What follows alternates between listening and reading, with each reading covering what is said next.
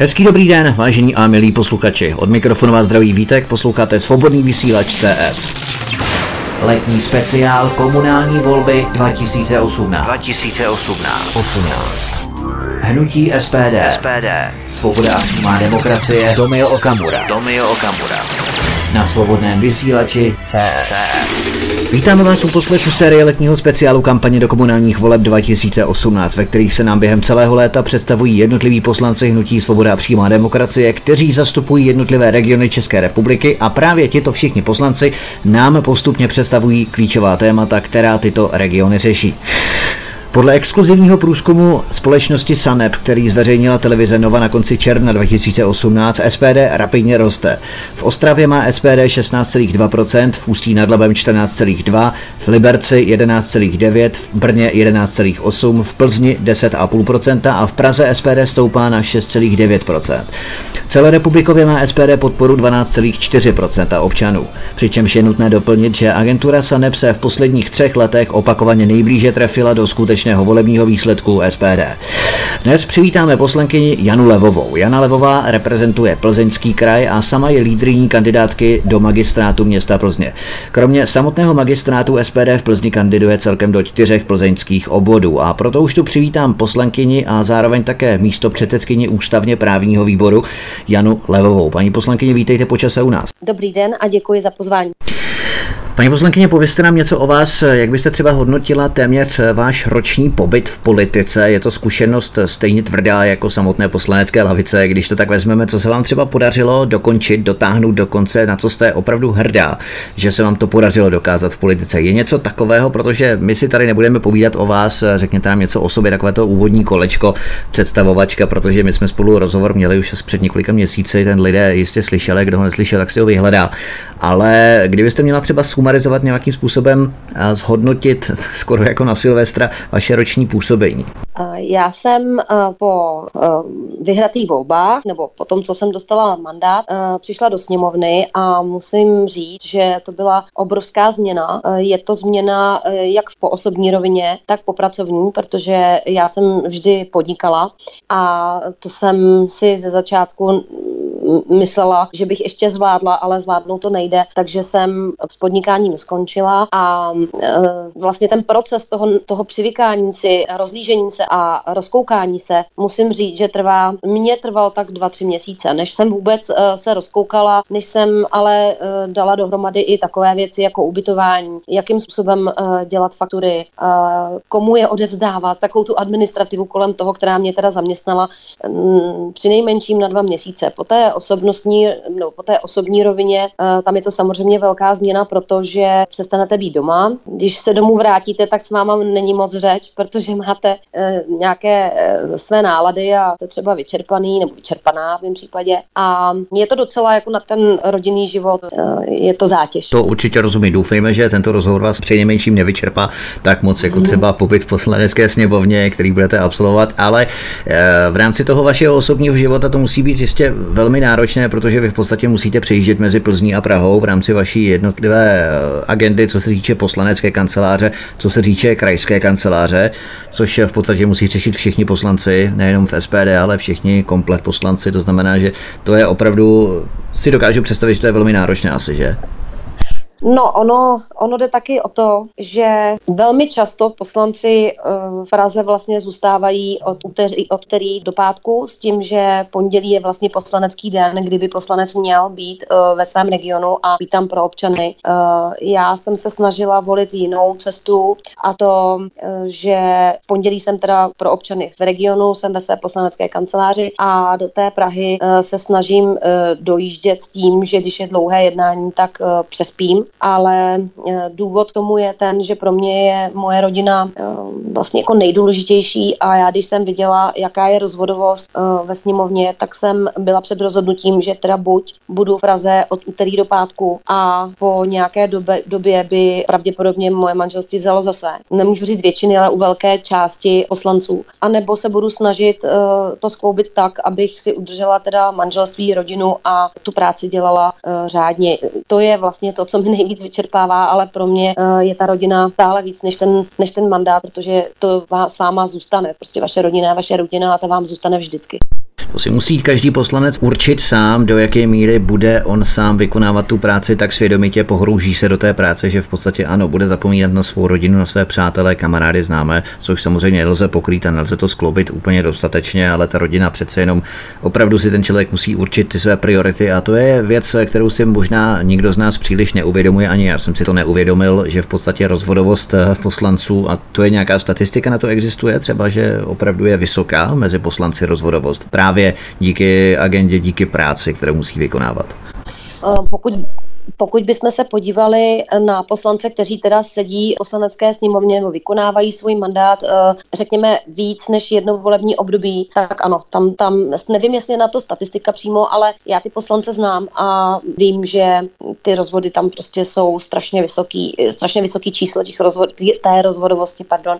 A k přátelům, no, ty se musela omezit, to nemáte na výběr, takže vlastně vy potom nakonec zjistíte, že zvládáte, pokud zvládáte dobře svou práci, tak uh, na rodinu je méně času, ale dá se to skloubit. Ale přátelé, teda musím říct, že ty zanedbávám, protože na ty prostě čas už nemám, ale uh, pro mě na prvním místě je rodina a hned na druhém mandát a práce pro, pro stát.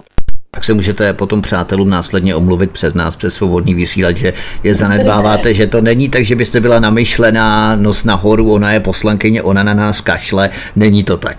určitě, to tak ne, určitě to tak není a uh, já se omluvám v průběhu. Řekla bych, že každý druhý měsíc. Jasně, tak fajn. Pojďme, to bylo takové zahřívací kolečko, řekněme, i když v dnešních 31 nebo kolik máme stupňů, to příliš zahřívací není příjemné, ale přece jenom byl to takový úvod do našeho rozhovoru a pojďme se vypravit právě do Plzně, do kraje Plzeň, do regionu Plzeň, který vy reprezentujete. Plzeňský kraj leží na jeho západě Čech, rozlohou patří k větším krajům, počtem obyvatel k průměru.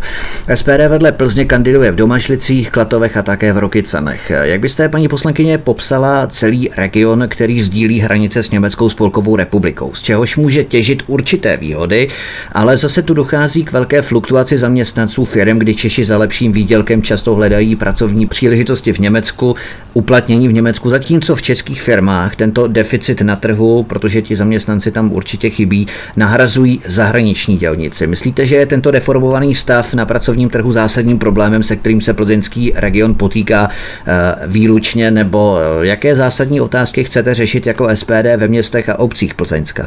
To je uh, velmi široká otázka. Uh, pravdou zůstává, že některé uh, okresy, jako je třeba Domažlicko, Klatovsko, Tachovsko, jsou postižené právě tím, že místní obyvatelé cestují do zahraničí, nejčastěji do Německa za prací. To je fakt. Pravdou také je, že plzeňský kraj je specifický právě tím, že je blízko západní hranice s Německem a je tam dobrá obslužnost, je tady dálnice D5, tak uh, máme zde hodně montoven, máme zde hodně zahraničních firm a pravdou zůstává, že zde je velké procento zahraničních dělníků, kteří v těchto firmách právě pracují, protože naši obyvatelé pracují právě třeba v Německu. V Plzeňském kraji se nám zvýšila kriminalita, uh, drobná kriminalita. Um, v Plzni není bezpečno v centru uh, v noci a v podvečer, uh, takže to jsou určitě stěžení témata naší kampaně a jsou to témata, kterým se já osobně chci věnovat a um, budu se jim věnovat. Pojďme se nejprve tedy podívat na obvod Plzeň 1, Plzeň 2 i Plzeň 4 Doubravka, ve kterých SPD řeší otázku místních referent jako například důležité stavby nebo občanská vybavenost. Než se tedy vypravíme k té bezpečnosti, ale tohle je v podstatě jakési předvstupní téma, které protínají veškeré aktivity a veškeré dění právě v těchto regionech a v komunální politice, kdy SPD dbá na to, aby obě strany dostaly stejný prostor, tak aby se lidé mohli nestraně rozhodnout. Jak toho chcete docílit? Jednou věcí je totiž veřejnou právní sféra, do které je možné z pozice vlády zasahovat v rámci legislativy, ale nepokřiví ten prostor sféra komerční, kdy si sponzoři například nějaké stavby, řekněme budované, o kterou mají zájem a za kterou lobují na místním zastupitelstvu, zaplatí vlastní prostor v komerčních médiích, kde budou samozřejmě vystupovat profesionální marketingoví PRisté ve prospěch té stavební firmy. Média žijící z peněz sponzorů tu jednoduše přijmou tuto hru. Dá se tedy vůbec zabezpečit podle vás zajistit stejný prostor oběma stranám, které usilují o nějakou zakázku a straně, která má nějaké výhrady vůči této stavbě například? Já si osobně myslím, že uh, to zajistit lze, že v komerčních médiích samozřejmě uh, ty společnosti nebo developeři uh, mohou propagovat ten svůj záměr, ale je na té radnici a na tom magistrátu, aby dokázal stejně dobře otevřít tu debatu i v dalších médiích, kde zase můžou naopak oni tu debatu otevřít třeba i s těma protinávrhama nebo s těma názorama, které nejdou úplně paralelně s názorama developerů nebo s firm, které mm, jsou tam zainteresované. Jaké jsou vlastně podmínky, na základě kterých byste vypisovali místní referenda? Kolik podpisů je třeba? Je nějaké kvórum například, aby o něčem nerozhodovala třeba jenom hrstka, skupinka lidí, která si sama sehnala podpisy pro určitou otázku v rámci toho vypsaného referenda? Jaké jsou vlastně podmínky? Referendum je v našem právním systému pevně zakotvené a referendum jako takové, já víte, proč ho, proč ho vlastně preferuju? Protože my teď právě řešíme ve sněmovně, že je malý zájem občanů třeba o senátní volby, že občané nejsou vtahováni do politiky, že, nebo do aktivně do řízení toho města, do rozhodovacích procesů toho města. Takže já osobně věřím, že mm, referendum, místní referendum je pomocný nástroj, demokratický pomocný nástroj. Naši oponenti velmi často říkají, že to je přímá demokracie. Ano, je to prvek přímé demokracie, ale je to prvek, který je u nás uzákoněný v rámci zastupitelské demokracie a je dle mého názoru méně využíván a eh, v Plzni by si to občané velmi zasloužili, protože tady několik rozhodnutí, eh, které padly, si myslím, že by nepadly právě, kdyby bylo místní referendum o dané otázce.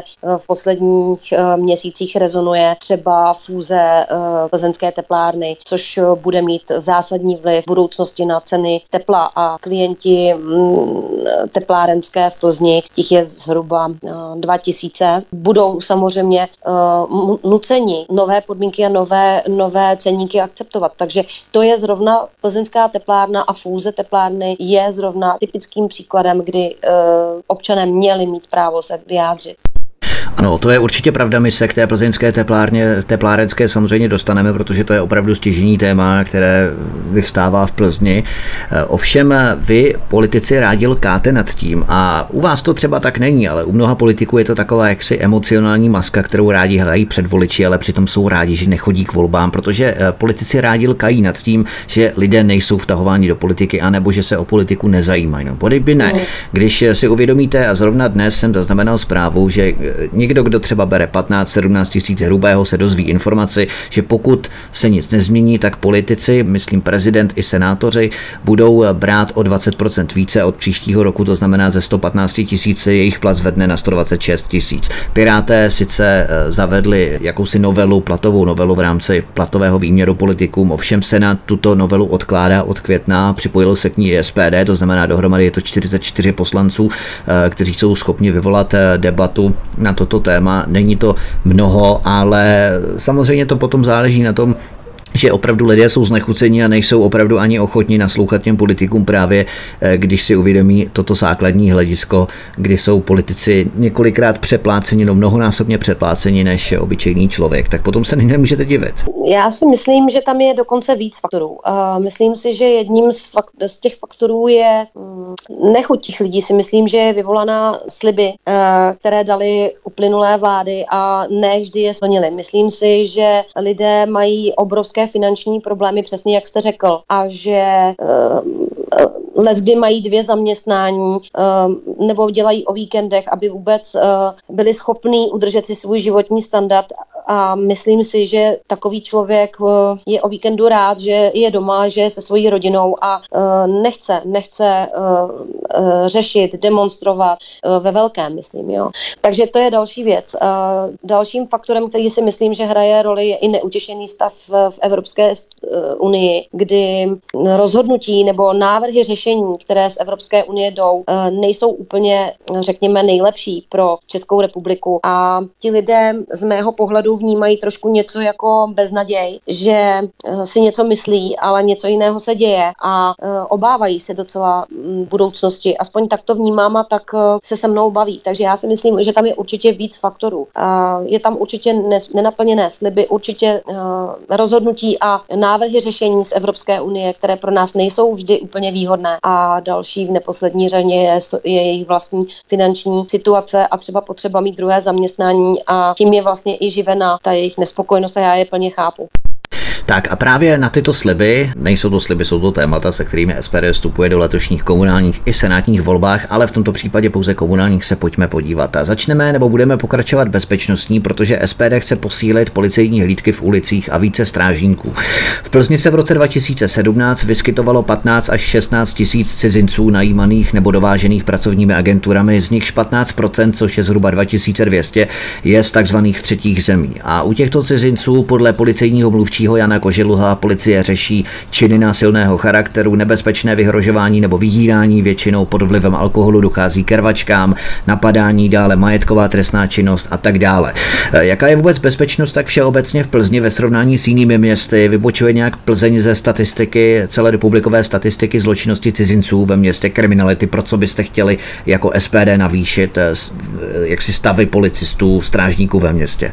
No, bezpečnost v rámci města, já jsem se zmínila už na začátku, se snížila, je tady um, um, víc napadení, uh, je tady drobn, jsou tady drobné krádeže. Uh, je pravda, že večer jít uh, v centru města ven je let kdy velmi nebezpečné. Uh, v podstatě, kdybych to měla odhadnout, každý 14 dní se o víkendu v centru třeba na proslulé americké uh, něco stane, řeší to tam policisti. My chceme, aby uh, měští strážníci a policisté byli víc uh, v ulicích večer, protože u nás v Plzni a nejenom v Plzni uh, městský strážníci v podstatě pokutují za parkování, občas je vidíte někde v vozovkách za bukem měřit uh, rychlost, ale eh, v těch ulicích v centru města v noci je moc nevidíte a to my chceme změnit. Chceme, aby tyhle ty lokality, které jsou teda nejvíc zatížené právě kriminalitou, byly monitorované, aby tam ty strážníci chodili celou noc, aby tam fungovaly něco jako prevence. Přece jenom jenom když se vám po ulici za hodinu čtyřikrát projde policista anebo strážník, eh, pořád tam ta prevence je a je to lepší, než když sedí na služivně a čeká, až bude ráno, aby šel obou půl Plzně. Určitě. SPD prosazuje maximální omezení ubytování agenturních pracovníků, protože SPD v podstatě začala řešit tuto problematiku na parlamentní celostátní úrovni v rámci vyšších kompetencí udílených do gestcí měst cílem řešit tuto problematiku. V Plzni je zhruba 460 ubytovacích zařízení pro cizince, například v Lobeské ulici, na americké třídě, kterou jste zmínila, v Bendově ulici, v industriální zóně, na Borských polích, kde došlo k nárůstu přestupkového jednání o 52%, dále v Zahradní ulici na Slovanech, kde stojí doslova jedna ubytovna vedle druhé a právě na té Zahradní ulici přímo před těmi ubytovnami je herna, vedle je hospoda, takže běžné rvačky, přepadávání lidí nejen tedy v té Zahradní ulici, ale i na hlavní na Slovanské. Jaké jsou tedy vaše návrhy pro eliminaci ubytoven pro cizince a zvýšení bezpečnosti Plzeňanů? Co konkrétně chcete udělat, kromě těch strážníků? Se svým legislativcem zhruba 4 až 6 měsíců eh, se snažím přijít na způsob, jak eh, toto omezit. Pracujeme na tom, máme návrhy, jsou zhruba tři, ale protože jsou rozpracované, tak nevím, který z nich ještě předložím sněmovně. Nicméně obecně platí a tím směrem chci já jít, eh, co se sněmovny týče, že a platí to ve všech, ve všech oblastech podnikání, že dokávat se to prostě firmám bude vyplácet, dokud to pro ně bude finančně zajímavé, po tu dobu nebude změna a bude se trvalý stav. Proto já se snažím vymyslet takový návrh, aby vlastně té firmě se to přestalo vyplácet, nebo aby ty podmínky nebyly už tak uh, zajímavé, aby, uh, aby se začala třeba porozlížet uh, po jiných řešení. Nechci být úplně konkrétní, ač ty návrhy teda máme a pracujeme na nich, ale z důvodu, že to ještě není předložené ve, sně, ve sněmovně, tak uh,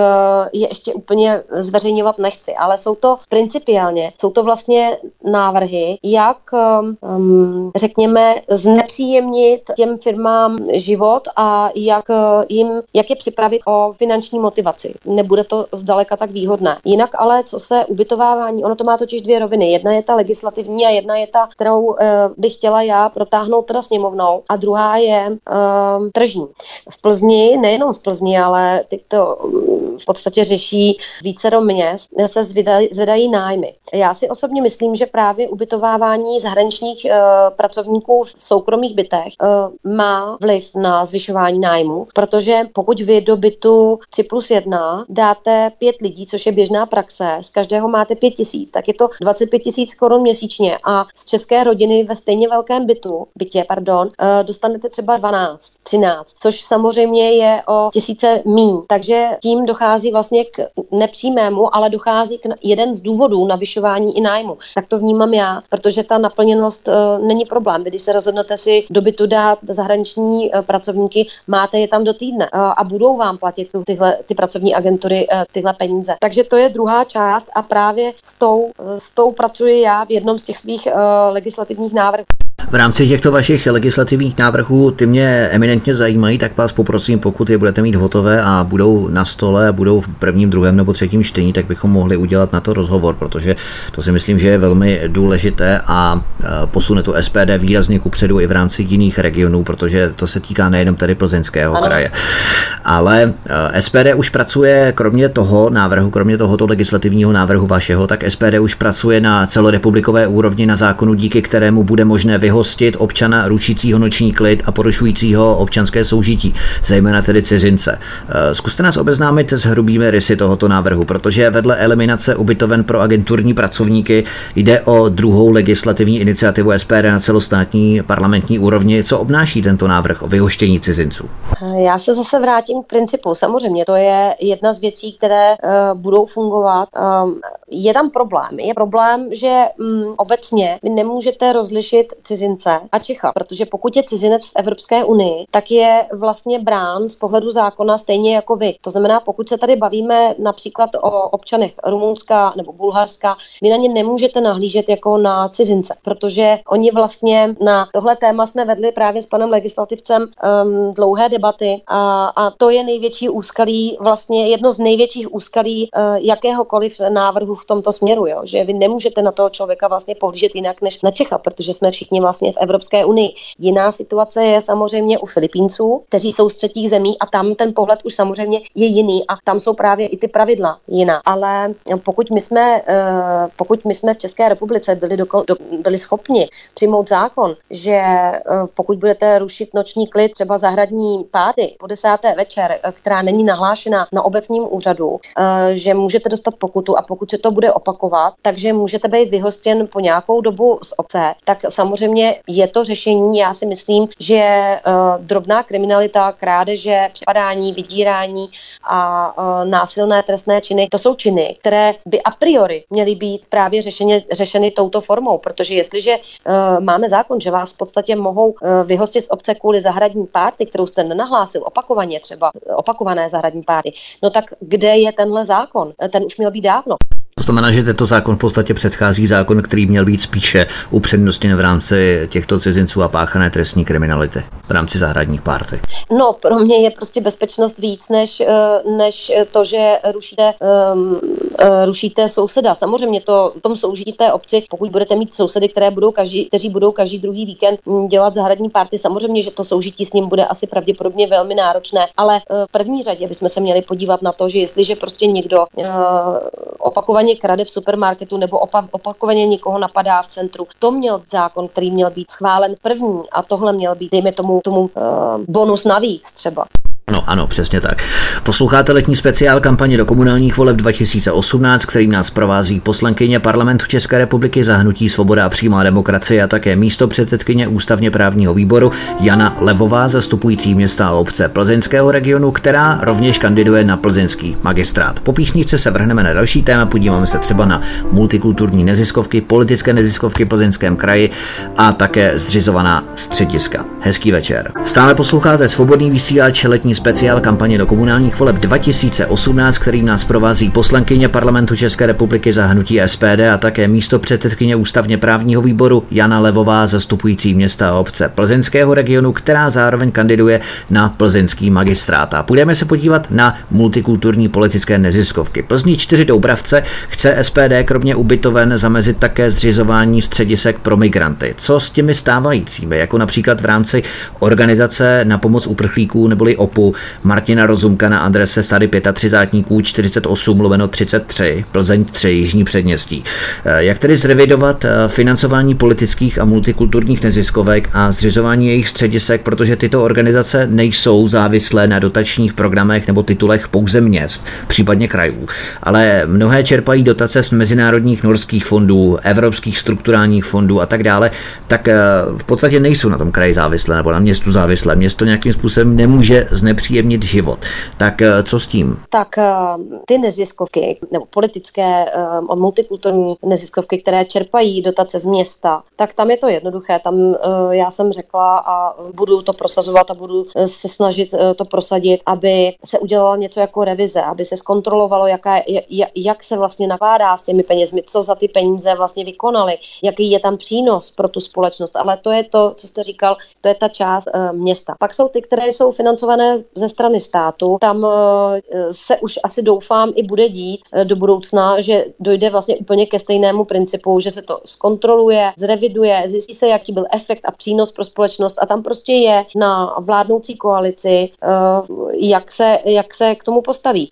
To stejné je vlastně i v tom městě. Je, je to o tom, že pokud občané dají mandát svému poslanci nebo dejme tomu kandidátu na magistrát, bude ten uh, mandát silný, tak pak teda se dá s tím něco dělat. Ale pokud uh, občané to ve volbách nezhodnotí, tak pozitivně a nedají vám ty hlasy, no tak ten mandát bude slabší a uh, řekněme si upřímně, pokud, uh, pokud nejste silní na tom, na tom magistrátě, tak je těžký potom uh, něco vyjednat. Samozřejmě určitě je to o vyjednávání, určitě je to jen o mezilidských vazbách i právě na tom magistrátu. Je to o schopnosti vysvětlit to druhému zastupiteli uh, váš pohled na věc a tak dále. Co se týče těch neziskovek uh, financovaných ze zahraničí, tak tam určitě zprůhlednění financování, aby bylo veřejně dostupná informace, z jakých zdrojů čerpá nebo kdo peníze zasílá těmto neziskovkám. Uh, to v první řadě. Cestou je určitě uh, osvěta, bych řekla, aby se uh, občané dozvěděli, kdo vlastně tyto organizace financuje, aby to bylo veřejné a veřejně dostupné. V dnešní době, kdy každý poslanec, každý zastupitel mm, musí dávat majetková přiznání, musí v podstatě odkrývat veškeré své příjmy a své majetky, je vlastně úplně paradoxem, že e, toto veřejně ještě není. To je pravda, ano. To je přesná analogie toho, proč tomu tak není. Hovoříme tu o 14 miliardách, které mají být investovány na neziskový sektor v roce 2019, ze kterého měly tedy být odňaty 3 miliardy, ale dozvěděli jsme se nakonec, že tak činěno nebude, čili to bylo jenom retorické cvičení Andreje Babiše a tak dále. To se poněkud vymyká komunální politice. Pojďme se vrhnout na další téma, kromě těch neziskovek, protože ty jsme v podstatě vyřešili a podíváme se na další téma. SPD chce podpořit městskou výstavbu startovacích bytů pro mladé rodiny a výstavbu malometrážních bytů a domů s pečovatelskou službou pro seniory. Tento plán se týká nejenom těchto konkrétních plzeňských obvodů, ale týká se i ostatních plzeňských obvodů, ve kterých SPD staví kandidátky. Eh, máte už nějaké konkrétní návrhy, kde stavět, v jakých oblastech stavět a kde na to vzít? My bychom rádi stavili, máme tady vytipované lokality, je to třeba eh, u přivaděče na D5 u, teska, u Velkého Teska, eh, tam jsou lokality volné, u, eh, na Boleváku jsou volné lokality, ty místa pořád ještě jsou, místo problém není. Problémem zůstává stavební zákon, překážky, které musíte zdolávat to, předtím, než začnete vůbec stavět, to je obrovský problém a obrovská zátěž toho systému. A netýká se to pouze dálnic a mostů a, a železnice, ale právě i Eh, výstavby bytů. A musím říct, že ty uplynulé koalice tu stavbu bytů trošičku ehm, podcenili a díky tomu, co jsme se právě už bavili o, zahraničním dělní, o zahraničních dělnicích, tak eh, tady ten nedostatek bytů prostě je. A to je fakt. A oni by třeba i byli, kdyby nebyly obsazené právě zahraničními dělníky. Takže to je takový, ono se to všechno hm, hrozně moc prolíná. Takže určitě startovací byty jo, určitě malometrážní byty pro důchodce ano. A tam jde o to, že pokud bychom teda dokázali odstranit všechny překážky v tom zdlouhavém řízení, než eh, vůbec se začne stavět, což teda moc se o tom nemluví, ale Česká republika v tomhle, a nejen Česká republika, eh, má takovou zvláštnost, že když zahá, než zahájíte, tak vlastně, co vyřizujete agendu s úřadem, se stavebním úřadem, tak do toho může vstoupit takzvaně třetí strana. Třetí strana může být právě spolek, může to být děti země, eh, může to být nějaký ekologický spolek, kteří dokážou velmi efektivně a velmi dlouhodobě bojkotovat vlastně vůbec začátek té stavby. A to je taková zvláštnost, že tahle třetí strana vlastně může vstoupit, protože eh, vám se, vyza, vám se vlastně k tomu zahájenému řízení vyjadřuje úřad, který má na starosti ekologii. Tak proč, eh, proč by se k tomu měli vyjadřovat děti země třeba, protože od toho máme úřad, kde sedí lidé, lidé, kteří to vystudovali, kteří jsou v tom daném oboru odborníci a pokud oni řeknou ano, co se ekologie týče, splňuje to všechno to, co by mělo, tak potom proč by do toho měli vstupovat v úzovkách lajci jako e, děti země. Takže tohle je taková zvláštnost České republiky, ale nejenom u nás. Málo se o ní mluví a je to škoda, protože mně to přijde úplně paradox. Tak v tom případě nemějme ten úřad. Nebo ať se ten úřad nemusí teda v tom případě mm, vyjadřovat, pokud teda, pokud teda se vyjadřují děti země. Je to takový jako vyjadřuje se úřad a to by mělo stačit. Uh, proč ještě děti země? No a co se týče, říkám to jako příklad, tak se nikoho nedotkla, děti země těch spolků je celá řada, uh, nebo aktivistů je celá řada. A co se týče malometrážních bytů, víte, Plzeň nepatří mezi zadlužená města. Plzeň je město, které má rozpočet v pořádku, je to vždycky věc priorit a nastavení. A pokud si dáte prioritu, že teda potřebujete postavit byty, tak ty finance uh, získáte. Získáte je třeba částečně od uh, státu, částečně od kraje, je to jenom o tom, jaké se píšete uh, memorandum, jaké uzavřete dohody. To jsme si tedy pověděli základní úskalí, které se týkají výstavby bytu a co tyto výstavby brzdí a brzdí výstavby nových ubytoven a nejenom tedy pro cizince, ale hlavně malometrážních bytů pro mladé rodiny, pro české mladé rodiny a samozřejmě i ubytovny pro seniory. Eh, jak chcete zajistit mladým rodinám dostupné pozemky pro stavbu domů své pomocí, aby neutíkali do okolních obcí? No to je další, jsem ráda, že jste se zeptal, to je další věc. V dnešní době vám vytipuje uh, developer lokalitu, uh, kde se mu zdá, že by mohlo být lukrativní uh, vystavět rodinné domy, skoupí ty pozemky za relativně velmi nízkou cenu a postaví tam domy a draze je prodá. Takže pozemek, který v nákupu třeba stál, uh, řeknu 500 korun na metr čtvereční, ve svém finále, pokud na něm stojí dům, tak prodává třeba za 2,5 tisíce na metr čtvereční. To je, to je samozřejmě věc, která už z dálky zavání korupcí, protože takovéto pozemky nejsou vždy v soukromých rukách, ale třeba právě jsou to městské pozemky a v tom případě tam je, tam je to velká šance, nějak, že by to mohlo mít korupční potenciál, nebo že by tam mohly být snahy eh, k ovlivnění těch zastupitelů pro to, aby třeba ty pozemky byly prodány takovýmto developerům. Takže tam se prodražuje to bydlení eh, v největší míře a eh, proto my jsme přišli s tím, že by se ty pozemky převáděly vlastně, aby to třeba z louky nebo z orné půdy se stal teda stavebním pozemkem a aby tyto pozemky se neprodávaly um, developerům, ale aby se prodali koncovému, koncovému občanovi uh, právě za tu cenu, která uh, by odpovídala třeba tomu nákupu a plus tím, tím uh, nákladům, které s tím byly spojené. Uhum.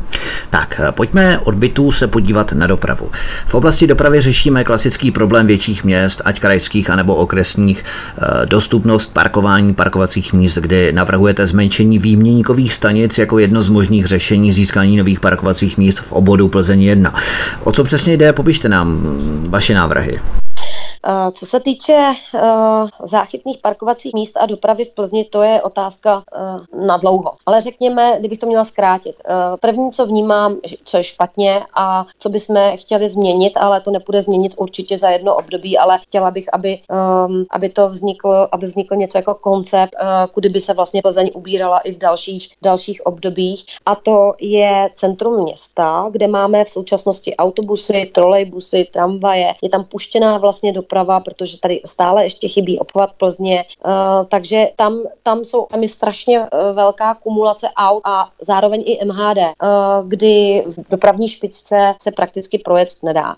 Já si osobně myslím, že by se centru, v tom úzkém centru, měli ponechat pouze tramvaje s tím, že by se mohly ty tramvaje zhustit, ta síť těch linek by se mohla zhustit a vždycky by končila vlastně na konci toho úzkého centra a od toho, od toho úzkého centra, řekněme, na ty předměstí do okrajových částí by právě mohly jezdit ty autobusy a trolejbusy. Proč? Protože uh, jestliže jedete, a teď znova zmíním třeba tu americkou, jestliže jedete koloně aut a před váma uh, ve tři hodiny odpoledne jedou dva trolejbusy a tři autobusy a to přímo za sebou, uh, na kruhovém objezdu spadne trolej, tak vám stojí celá ulice. Celá ulice stojí, protože to chvíli trvá, než se nahodí troleje. Teď ty trolejbusy prostě jsou dlouhé a ta silnice je tím prakticky úplně úplně, nebo ta ulice je tím úplně zastavená.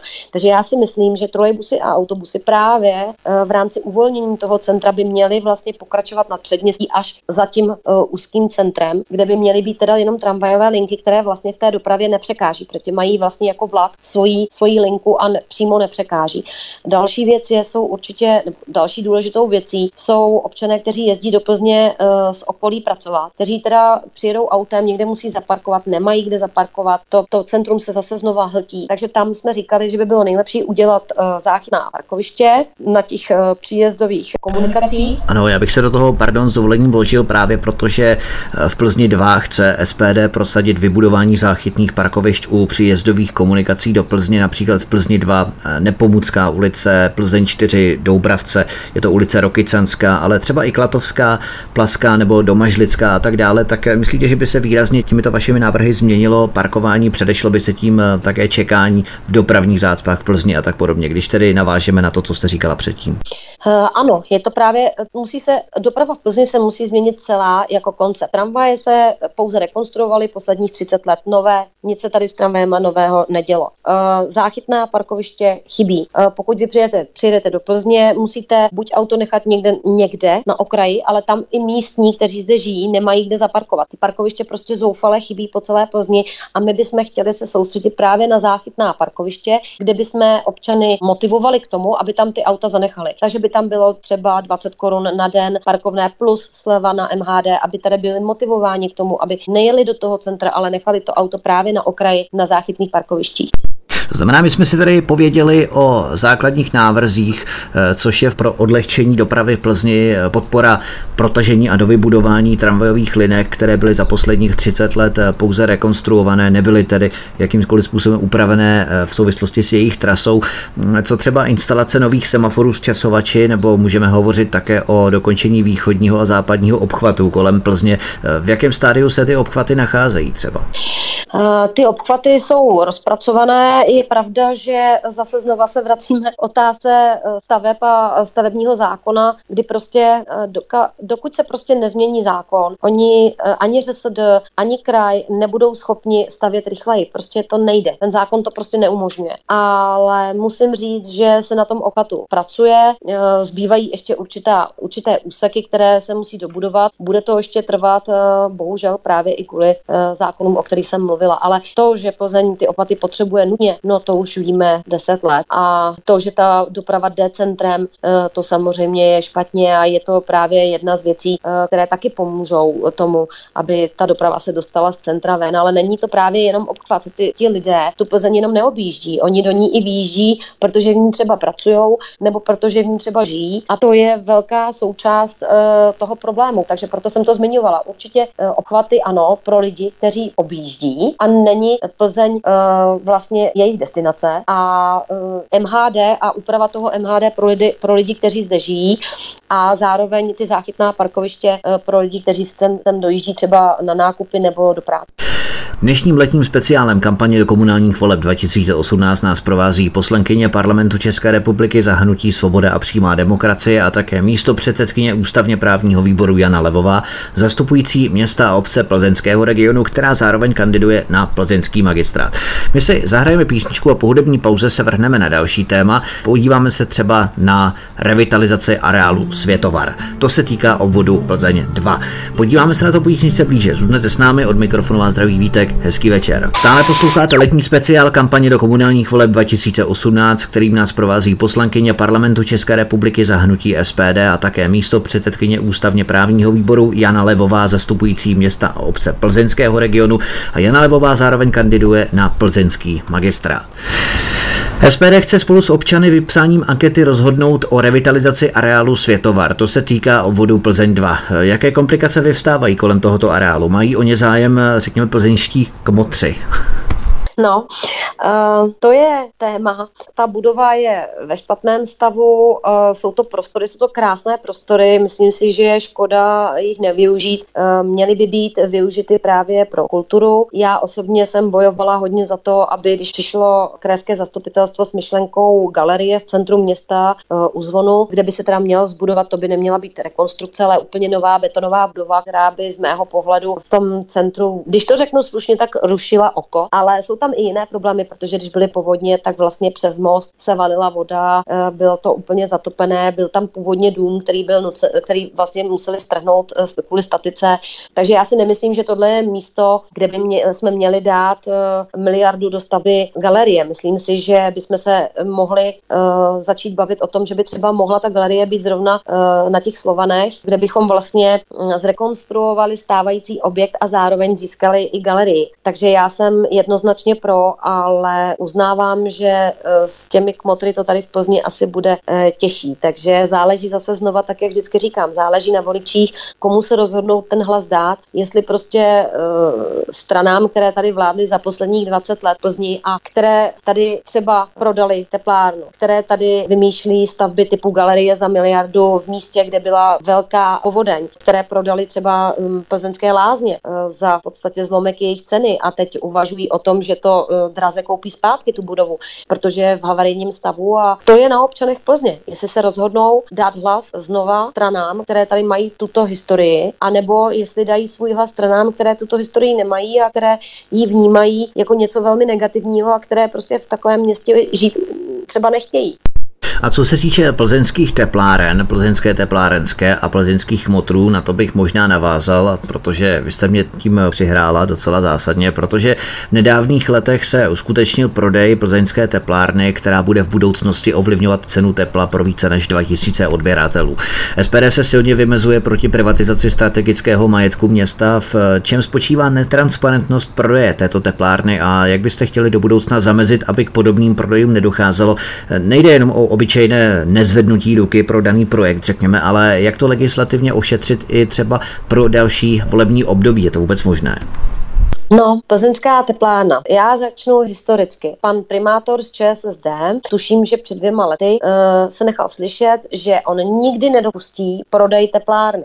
Hovoříme o panu Zezaveckém tedy. Ano, o panu ano, a já mám rád vždycky jména, aby se uveřejňovala jména plná. Tak dobře, pan Zezavecký. Pan Zezavecký, eh, tuším, že to bylo před dvěma lety, se dušoval, že nikdy nebude pro prodej uh, teplárny. Teplárna je prodaná. Uh, co se týče těch, těch strategických surovin a, a, a podniků, jak jste řekl správně, omezit nebo uh, zakázat prodej nebo uh, nějakým způsobem zamezit prodeji uh, takovýchto státních nebo městských firm uh, se musí musí uh, legislativně, musí se z poslanecké sněmovny a tam musí být samozřejmě vůle. Já vím, že se pořád opakuje, ale je to prostě všechno o vůli a je to vlastně všechno pořád o těch občanech a o těch volbách. Víte, já mám takový pocit, um, my si tady stěžujeme, co udělala ODS, co udělali ČSSD, co udělala tahle strana, co udělala tahle strana, ale ty strany vládly kvůli nám všem, my jsme je volili, my jsme jim dávali opakovaně 20 let hlasy. Přesto přes všechno, že měli jednu kauzu za druhou, ČSSD, teď to je strana, kde bylo takový počet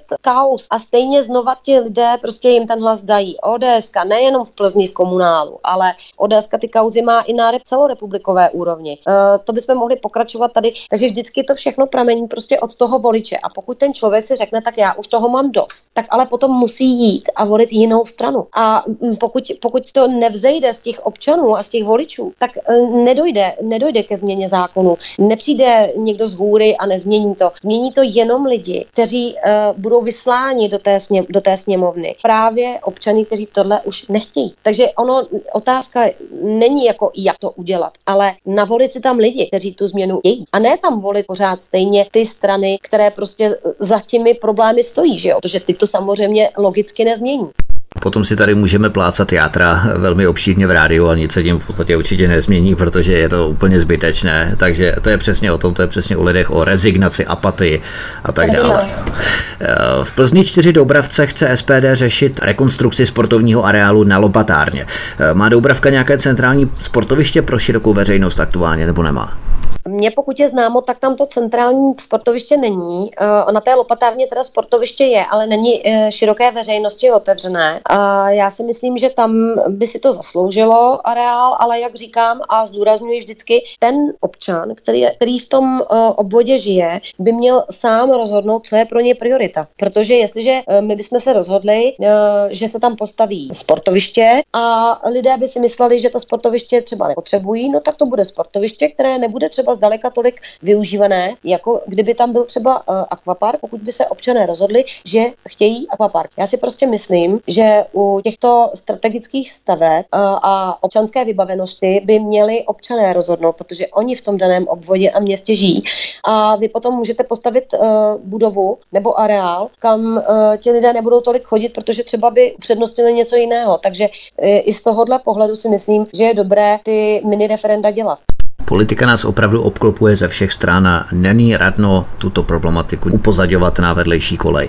E, za horkých letních dnů je plzeňské náměstí lidu prázdné. Každý se snaží z rozpáleného betonu co nejrychleji uniknout do stínu, který ovšem plzeňské náměstí nenabízí, respektive plzeňském náměstí ho nenajdeme. E, jsou nějaké možnosti, jak vnést opět život na plzeňské náměstí i v těchto letních parnech? No, tohle léto bylo nadprůměrně teplotně. Eh, pokud pojedete v centru Plzně, zjistíte, že na náměstí uh, není vůbec nikdo. Ze strany, co je radnice, tak tam teď, abych uh, nelhala, řekněme, že tam je šest laviček a to možná přeháním spíš čtyři. A tam sedí teda ti, kteří to tam vydrží v tom teple, ale aspoň tam není sluníčko, protože tam to vlastně kryje po většinu dne kostel. Takže to je přesně to, co plzeňskému náměstí chybí. Není tam vůbec žádný stín. Loni v červenci se na náměstí konala hasičská soutěž, eh, na, které, na kterou jsem byla pozvaná. Začínala v 10 ráno a pokračovala až do dvou do odpoledne a já jsem v teplotách, jako byly letos eh, v létě, stála na tom náměstí od 10 hodin do dvou eh, s tím, že jsem mm, normálně mm, byla nucená pak jet domů a dát si prostě prášek a, a lehnout si, protože tam jste v podstatě jako na pánvi. Takže my jsme pro 100% pro zazelenění toho náměstí. Ta zeleň tam prostě chybí. Je obecně známo, že stromy, zelené rostliny vám eh, ochlazují vzduch, že udržují to místo o několik stupňů chladnější. Takže to je to, co plzeňskému náměstí chybí, plus ještě vodní prvky. My tam máme vlastně akorát čtyři kašny, ale eh, jako vodní prvek, který by byl do plochy, tam chybí. A voda je taky obecně známo, že samozřejmě ochlazuje. Ochlazuje eh, prostor okolo. A další věc, které bych se chtěla věnovat, je zazelenění fasád. Neříkám, že teda těch na náměstí, protože tam samozřejmě jsou historické budovy, ale v rámci města určitě. Fajn, půjdeme se ještě ve stručnosti podívat na několik ryze typicky drobných komunálních témat v rámci Plzně, protože nás tu čekají ještě další města, Rokycany, Domažlice a tak podobně. Co se týče cyklotras, v Plzni jich bylo vybudováno poměrně dost, poměrně hojné množství, ale nejsou propojené. Mnohdy cyklisty dovedou na rušné silnice a tak podobně. Jak tento stav zpřehlednit? Například instalací cyklomap, jaké jsou vaše návrhy? Právě instalace cyklomap, eh, to je jeden z našich návrhů. Chtěli bychom jak při vjezdu do města eh, nainstalovat tyto cyklomapy, tak eh, i v rámci centra. A další věc, na které bychom trvali, je vlastně propojení těch cyklostezek, protože teď se vám lezdy stane, že najednou cyklostezka končí a jste na minimálně dvouproudové silnici, takže stoprocentně to propojit, ten systém cyklostezek a nainstalovat jak na okraji města, tak i v rámci centra centra, ty cyklomapy. V Plzni na Borech je útulek, na jehož provozovatele chce SPD vypsat nové a transparentní výběrové řízení. Jaké jsou vaše plány s tímto útulkem v rámci očkování a další péče o zdejší psy, o zdejší zvířata? My bychom rádi otevřeli eh, výběrové řízení na provozovatele tohoto útulku, protože v současnosti je eh, ve správě městské policie. Ono tam totiž eh, došlo k tomu, že tam bylo otevřené výběrové řízení, které nevyšlo a ve finále to město řešilo tím, že to dalo do zprávy vlastně městské policii, ač ti lidé, kteří tam za bývalého provozovatele vlastně pracovali, včetně vedení, vlastně teď dělají to stejné, akorát pod hlavičkou městské policie. Takže Eh, my bychom rádi to výběrové řízení eh, znovu otevřeli, našli provozovatele, eh, který by se tomu útulku věnoval, ale zároveň bychom rádi podpořili lidi, kteří si adoptují zvířata z tohoto útulku, protože bychom rádi, aby ty psy se prostě dostali zpátky k majitelům a zároveň, aby třeba i staří lidé, kteří umře partner, kteří třeba jsou osamělejší, aby měli možnost to zvíře mít, protože zvěrolékaři jsou v dnešní době dost finančně nároční a péče o takové zvíře může být docela finančně náročná, takže bychom chtěli, aby, aby právě i uh, ty zvířata z útulků se dostaly právě i ke starším lidem, kteří uh, nemají doma partnera a kterým to zvíře dělá společníka, takže tam, tam bychom rádi dali tu věc do pořádku, protože teď, teď to není úplně to pravé ořechové. Posloucháte letní speciál kampaně do komunálních voleb 2018, kterým nás provází poslankyně parlamentu České republiky za hnutí SPD a také místo předsedkyně ústavně právního výboru Jana Levová, reprezentující plzeňský region, která zároveň kandiduje na plzeňský magistrát. My si zahrajeme písničku a potom se podíváme na Domažlice, na Rokycany a další města, ve kterých SPD staví kandidátky v plzeňském regionu. Od mikrofonu vás zdraví Vítek, na svobodném vysílači posloucháte letní speciál kampaně komunálních voleb 2018 hezký večer. Stále posloucháte svobodný vysílač, naladěte jste si letní speciál kampaně do komunálních voleb 2018, kterým nás provází Jana Levová, poslankyně parlamentu České republiky za hnutí SPD Svoboda přímá demokracie a také místo předsedkyně ústavně právního výboru, se kterou si povídáme o plzeňském regionu a Jana Levová také kandiduje na plzeňský magistrát. Podívejme se na Domažlice. Jaké zásadní problémy byste spatřovala v rámci tohoto města, které jsou důležité pro místní občany a které SPD klade největší důraz, nebo na které SPD klade největší důraz v rámci letošních komunálních voleb? Domažlicko. Tak je Domažlicko, já osobně úplně tak neznám, já znám spíš eh, Klatovsko, kde jsem vyrostla, ale v Domažlicích eh, tam jezdím pravidelně na chodské slavnosti a Domažlice se mi moc líbí. Vím, že tam mají problém eh, s parkováním, vím, že ten problém prostě je i v té Plzni, tak v Domažlicích, že by rádi postavili parkovací dům. Vím, že mají problémy se zazeleněním náměstí, stejně tak jako v Plzni. Je pravda, že když tam jezdím na chodské slavnosti, takže to náměstí je opravdu jenom v podstatě beton a kámen, že tam té zeleně, když si uvědomu, tak není vlastně nic, takže to chápu. Vím, že by chtěli dělat více ploch a areál pro rodiny s dětmi na volnočasové aktivity. Tak, to by bylo k domažlicím, žádný neví, co jsou to domažlice a kdyby náhodou někdo nevěděl, jedná se o město Taus. My jsme se to bavili právě s fluktuací pracovníků, kteří utíkají za lepšími pracovními příležitostmi právě do Německa. Zůstaňme raději u těch domažlic.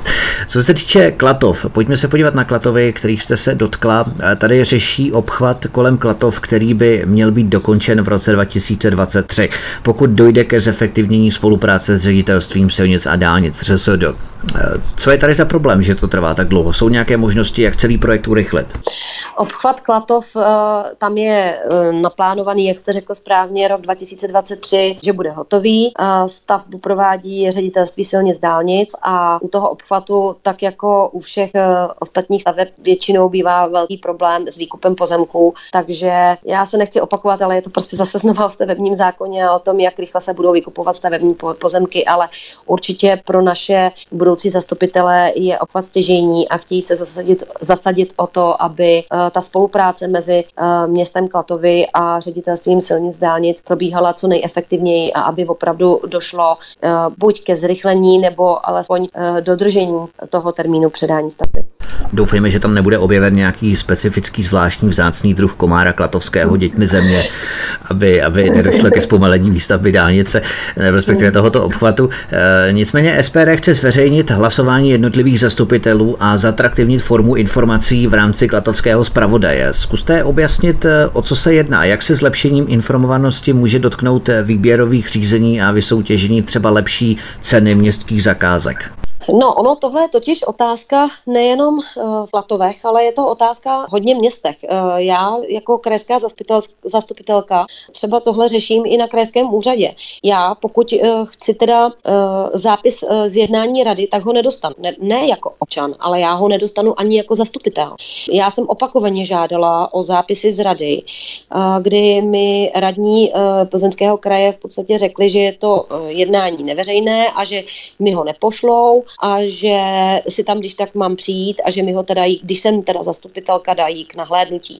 Takže to je stav třeba na Plzeňském kraji a uh, zhruba stejně to probíhá i v městech. Uh, tohle si myslím, že je věc vlastně úplně nevýdaná a vlastně strašně drzá, protože uh, na těch jednáních rady se vlastně rozdělují finance, tam se dělají ty rozhodnutí a nebo návrhy, které potom běží na zastupitelstvo a pokud vy jste zastupitel a dostanete se k informacím, co se bude vlastně na zastupitelstvo, na zastupitelstvu projednávat uh, zhruba 10 dní před zastupitelstvem samotným, uh, kdy to dostanete v podkladech, tak samozřejmě, že pokud jste uh, zastupitele máte ještě své zaměstnání, tak jste rád, že se zvládnete podívat na takové ty důležité body, ale může vám leco prostě utéct, protože nedostáváte v průběhu informace o tom, o čem rada jednala, co navrhovala. A to vnímám já jako obrovský problém. A nejenom teda firem, ale právě i zastupitelů samotných. Já jsem žádala u nás na zastupitelstvu uh, na kraji, aby nám dávali ty podklady dřív než 10 dní nebo 8 dní před zastupitelstvem. Vemte si, že já dostanu třeba 400 stran. 400 stran dostanu 10 dní před zastupitelstvem. A to v těch 400 stranách nejsou všechny podklady. To je třeba právě zápisy z jednání rady. Takže vlastně to, abych, uh, to se nedá vlastně řádně nastudovat. A uh, co se občanů týče, tam je to stejné. A zvláště podnikatelů, jestliže na radě se projednává záměr, že se teda udělá plácnu, že se rozšíří mateřská školka, budova mateřské školky a, a vy se to jako podnikatel dozvíte prakticky těsně před, anebo v průběhu, kde se ten tender nebo to výběrové řízení otevře, protože se o tom teprve vlastně začne psát třeba v některých, v některých denících a tak dále, tak je prostě pozdě. Ale pokud teda by v nějakém uh, měsíčníku vycházelo pravidelně, o čem ti radní jednali, co mají v plánu, jak probíhalo to jednání, jaké jsou tam záměry, tak vy jako podnikatel si v tom budete schopen uh, najít, aha, tady oni přemýšlí o tom, že rozšíří tu mateřskou školku, pohlídám si to, zavolám si tam, pohlídám si to, kdy to mají, ote, kdy mají ten, to výběrové řízení otevírat a otevírá se vám možnost se do takového výběrového řízení třeba i uh, přihlásit. Ale to, není, to nejsou jenom stavby, to jsou ale i služby, že jo. Třeba na dodávky jídel do nemocnice nebo uh, do pečovatelského domu a tak dále a tak dále. Takže určitě by to bylo transparentnější i pro ty podnikatele a my uh, jako SPD jsme pro podporu drobných a středních podnikatelů, protože ti jsou základem té zdravé ekonomiky.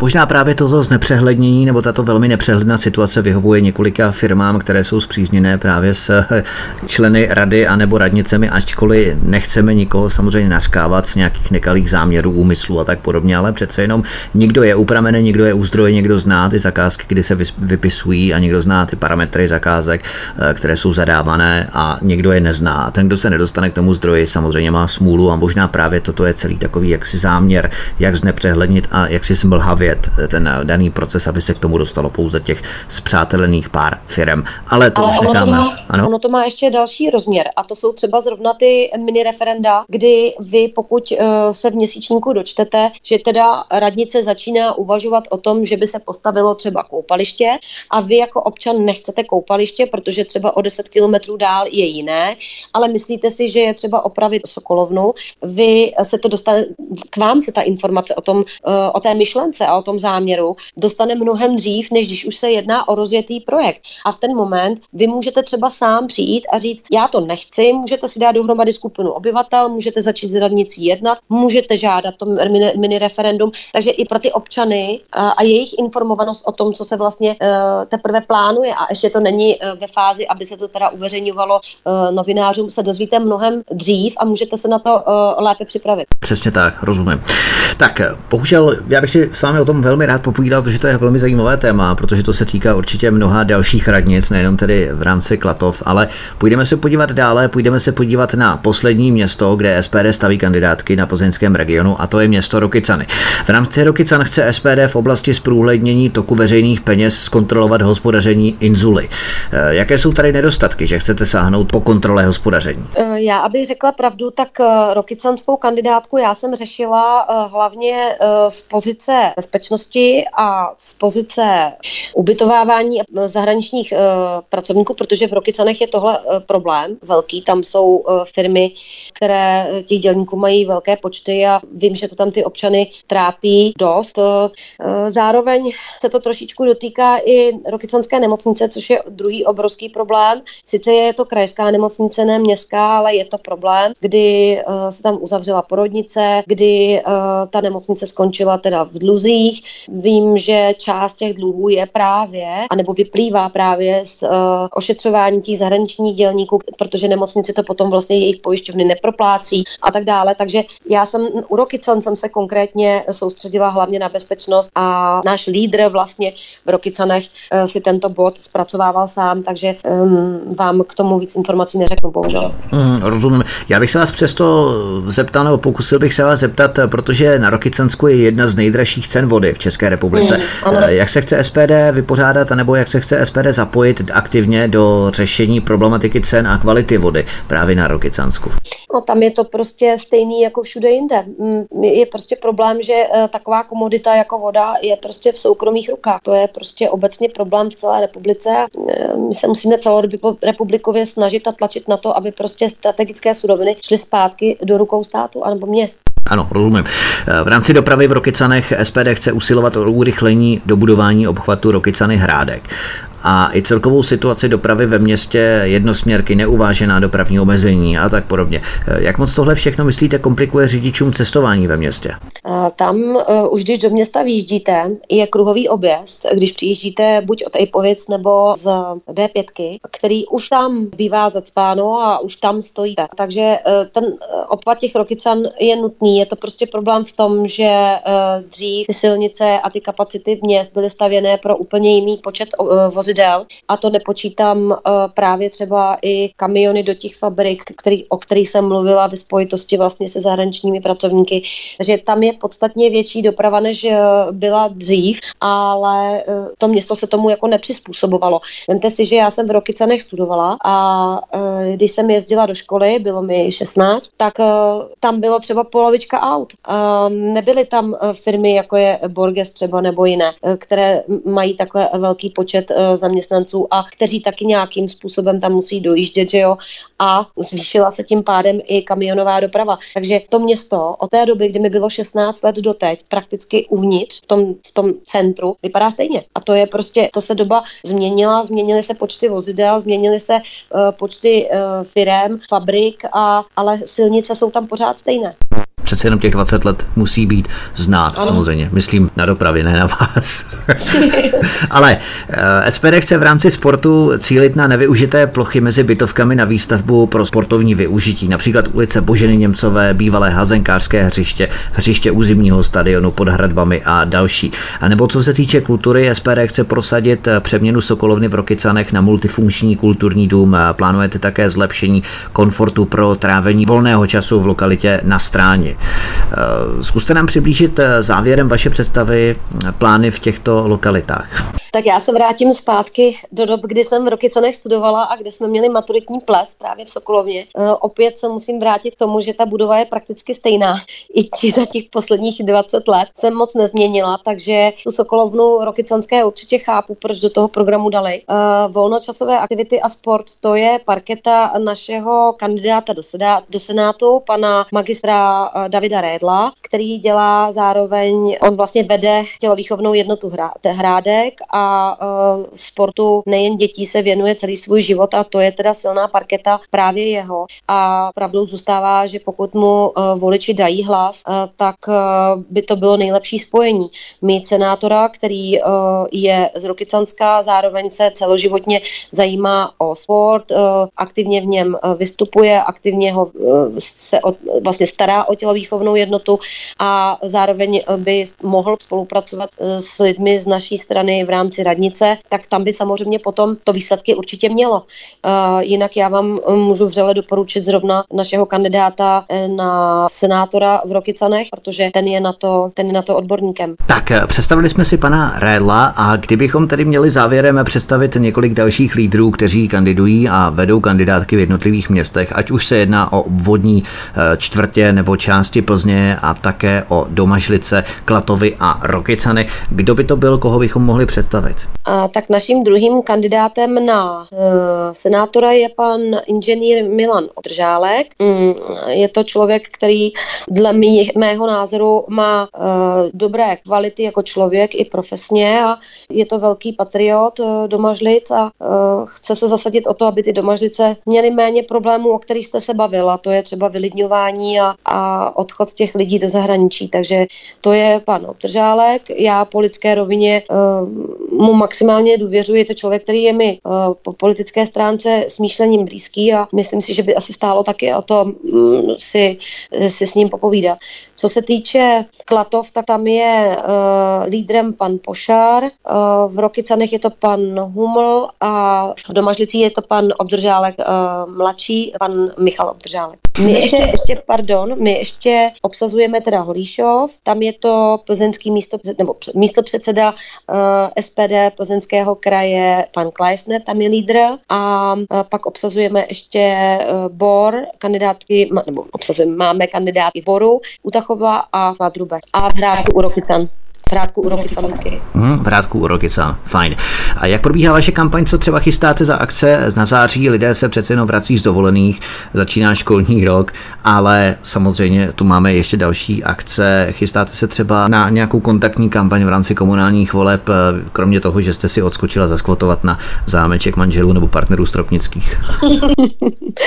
No, mimochodem, to se mi moc líbilo. Já musím říct, že, že eh, já mám moc ráda český humor a, a já doufám, že pořád ještě budeme se tomu moc zasmát, ale čemu, co třeba let, kdy ani, ani k smíchu není. Ale, ale tak to se vyloženě povedlo. Ale zpátky, uh, my ano, my plánujeme uh, kontaktní kampaň, chceme se na ní zaměřit a samozřejmě máme v plánu i tradiční způsoby, jako jsou letáky a, a billboardy a, a výletní plochy. Kde všude se s vámi lidé budou moci setkat? Pouze v poslanecké kanceláři nebo tak chystáte i opalovat v plzeňských ulicích někde na náměstí? chystám se opalovat v plzeňských ulicích. My chystáme kampaň například u pošty, u hlavní pošty v Plzni. Snažíme se v lokalitách, kde je velká kumulace lidí. Plánujeme ale i osobní kampaň pro, pro kandidáty v Klatovech, v Domažlicích, v Rokycanech i v Holíšově.